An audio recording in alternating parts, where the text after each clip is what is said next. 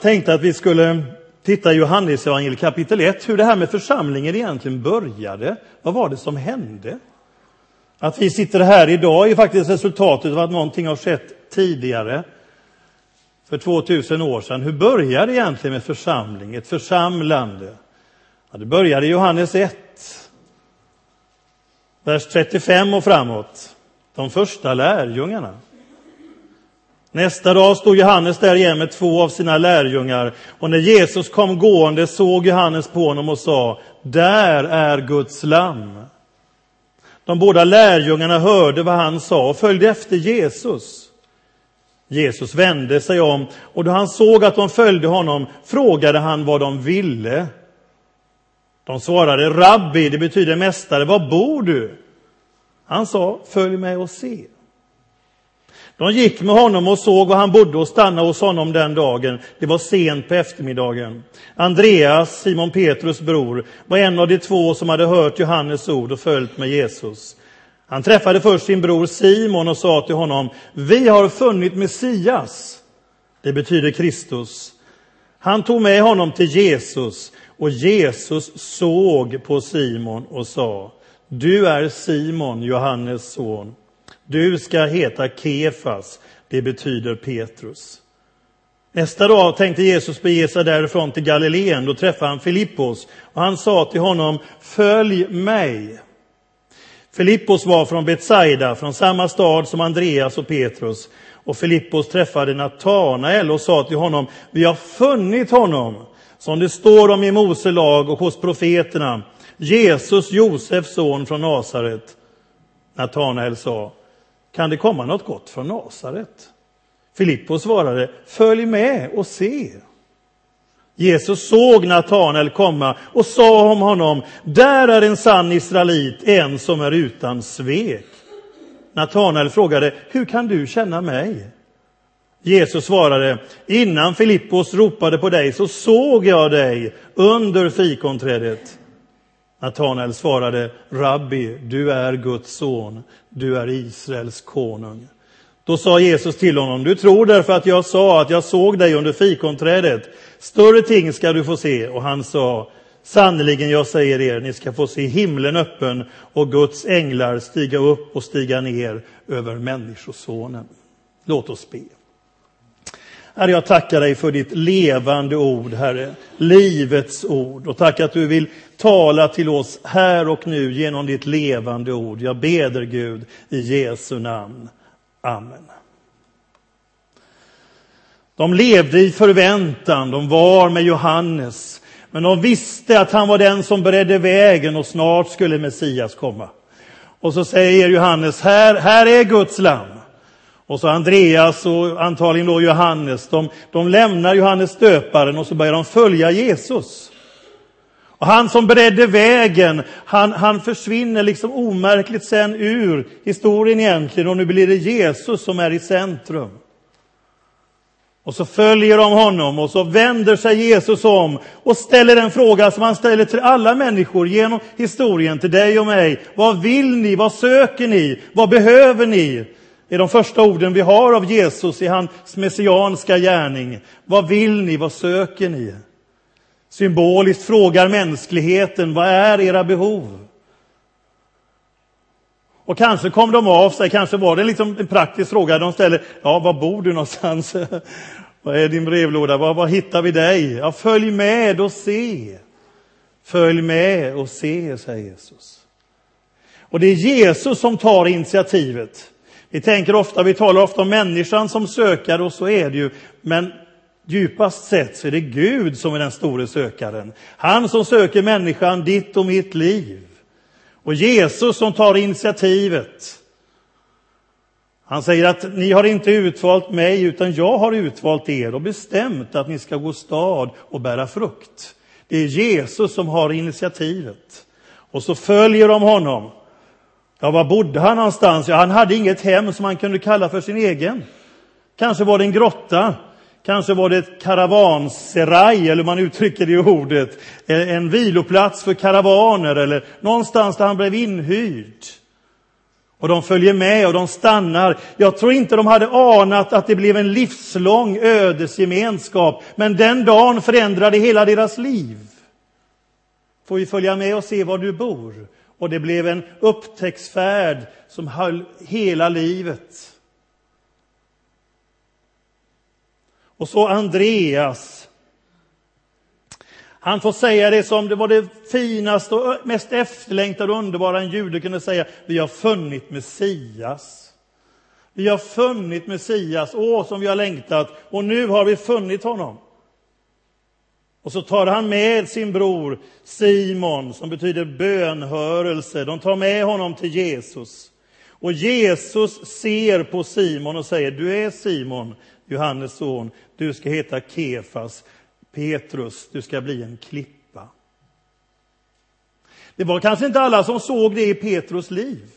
Han var ju så impulsiv och kanske inte alltid genomtänkt. Och ska han bli den som blir ledare sen för hela församlingen? Ja, säger Jesus. Jag ser vad det kan bli av Petrus. Jag tror på dig, jag tror på honom. Det blir som man frågade Michelangelo när han stod inför ett stort granitblock. Vad ska det bli för någon av den här stora stenen? Ja, säger Michelangelo, jag ser en ängel i den stenen. Han visste vad han kunde göra. Och Jesus såg, du ska bli Petrus. De kanske inte räknar alla med dig, men jag räknar med dig. Jag tror på dig. Och Andreas förde honom till Jesus. Och var vi än möter Andreas så för han någon till Jesus. Det är väl intressant? Ja. Tittar vi lite längre fram i Johannes 6 så har Jesus gjort brödunder och många tusen är samlade. Och det är angivet att det var 5 000 män och sen förstår vi att det var kvinnor också. Men nu står det ju 5 000 män och så, så hade man inte mat och Jesus säger hur ska vi nu få mat? Och Filippos han kalkylerar och räknar. Det går ju inte med en årslön att köpa mat till allihopa. Och så kommer Andreas med en liten pojk. Det är inte dåligt av Andreas att se en liten grabb bland 5000 karar, men han hade nog fått lära av Jesus, han hade blicken, han såg. Och så för han Andreas, så för Andreas den här pojken till Jesus. Och lite längre fram i Johannes evangeliet så kommer några västerlänningar. Från början när Jesus föds så kom ju män från östern. Men lite längre fram så kommer det från västern, då kommer grekerna. Och de är nyfikna på Jesus och så möter de Filippos och kan vi få se Jesus? Ja, säger Filippos och pratar med Andreas, kan du hjälpa mig? Kan du hjälpa de här till Jesus? Andreas betyder manlig och att vara manlig, om man funderar på olika saker runt det, det är att föra människor till Jesus. Får vi säga så? Att föra människor till Jesus. Och så får han hederstiteln den första missionären, kallar vi Andreas för. Och var hamnar han sen? Jo, han hamnar i södra Ryssland enligt traditionen. Och vet ni mer, var hamnar han? Han hamnar i Turkiet. Julia och Jan, han hamnar i Turkiet. I södra Ryssland och i Turkiet, enligt traditionen, kommer Andreas, han som förde människor till Jesus.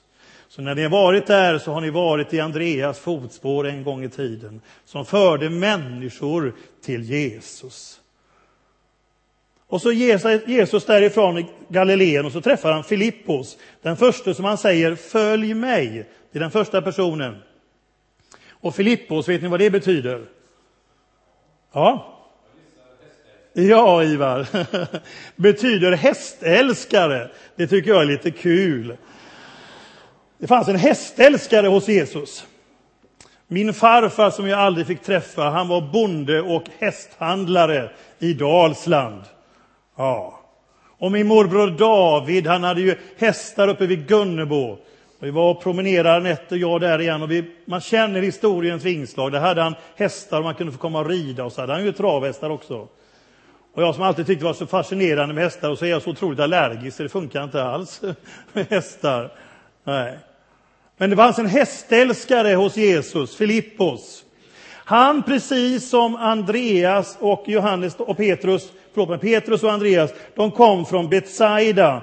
Och Betsaida betyder fångstplats.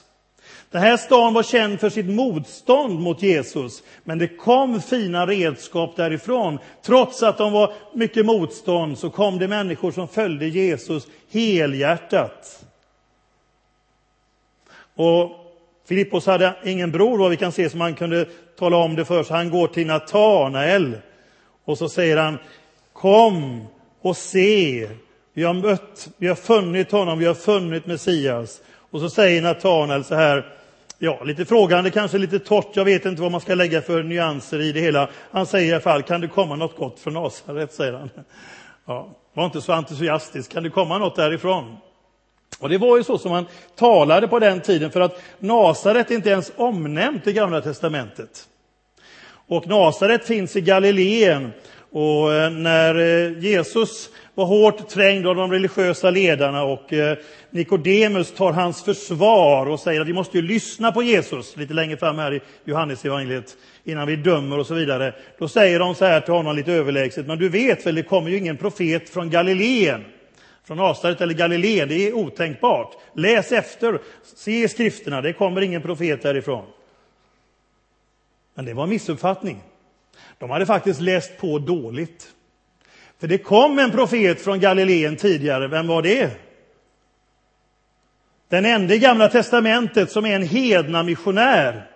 Den enda som Jesus riktigt associerar sig själv med och säger att det här är tecknet för min död och uppståndelse. Den som blev missionär utanför den egna folkgruppen. Och vem var det?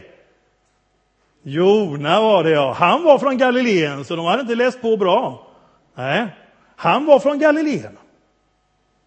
Jag tror att Jesus kände sig befryndigad med honom, för han är den enda som är en hedna missionär i Gamla testamentet. Och så blir Natanael så förundrad, han följer med och så säger Jesus, jag har, jag har sett dig, du är en sann israelit, jag såg dig under fikonträdet. Hur kan du känna mig? Men han var sedd. Petrus var sedd av Jesus. Och Natanael var sedd. Och jag har sagt det, jag säger det igen, det första namn Gud får i Bibeln är Hagar, den ensamstående kvinnan som upplever Guds ingripande och säger, du är seendets Gud. Hon var sedd, han var sedd av någonting större, någonting utanför, av den levande Guden. Och det vill jag säga till dig och mig här idag också. Du är sedd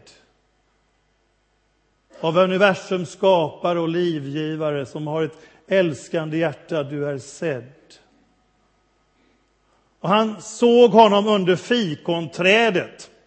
Och det är en liten sorts messiansk övning kan vi säga, därför att Fikonträdet, om man satt under det, det var som en symbol för fridsriket, för trygghet. Och Mika profeterar och säger att en dag, mina vänner, så gör man om spjuten till vingårdsknivar och det blir jordbruksredskap av vapnen. Eh, och eh, var och en ska sitta under sitt fikonträd och ingen ska förskräcka honom, står det. Inga mer ska lära sig att strida och så sitter vi under var och en under sitt fikonträd. Vi var ju en gång i tiden från församlingen här och eh, evangeliserade i Portugal. Jag vet inte om ni kommer ihåg det, men vi reste ju ner i början på 80-talet. Och då när vi hade haft mycket gatuevangelisation i Lissabon så var vi trötta. Och då sa vi, nu åker vi ut på landet och där fanns det fikonträd. Och då sa vi, läste vi det här ordet och sa vi att nu övar vi lite messianskt liv. Vi sitter var och en under sitt fikonträd. Ja och ingen ska förskräcka honom. Men han var sedd, Natanael, han var sedd.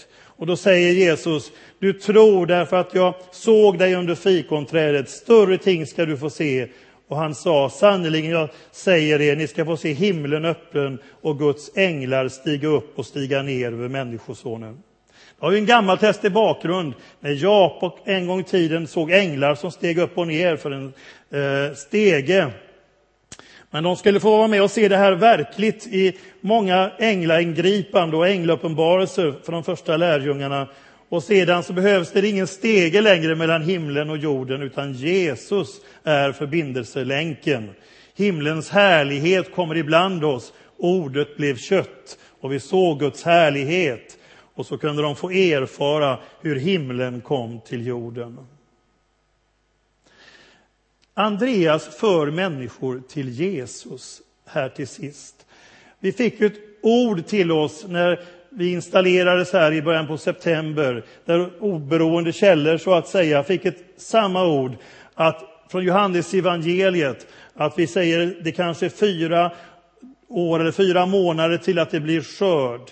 Men Jesus säger att lyft upp blicken och se, vi har redan vitnat till skörd. Och hur händer det? Hur blir det här liksom gestaltat? Och jag tror precis som Andreas, han förde människor till Jesus. Jag har lyssnat till Lewi Petris legendariska predikan 1974, är det någon mer som har gjort det, om att vinna en och en. Där han talar om att vikten av att plocka mogen frukt, handplockad frukt, att det inte blev kart eller att det kom någon, eh, kanske någon evangelist och skakade hela trädet så det blev mycket fallfrukt och kart som föll ner. Och istället få plocka handplockad frukt, en och en. Och jag tror att det är så det sker, det är så vi växer. Vi delar vår erfarenhet med Jesus, med andra, på ett naturligt sätt, precis som Andreas gör. Och då kan den här församling, då kan vi som församling få uppleva och erfara att vi får växa det här året.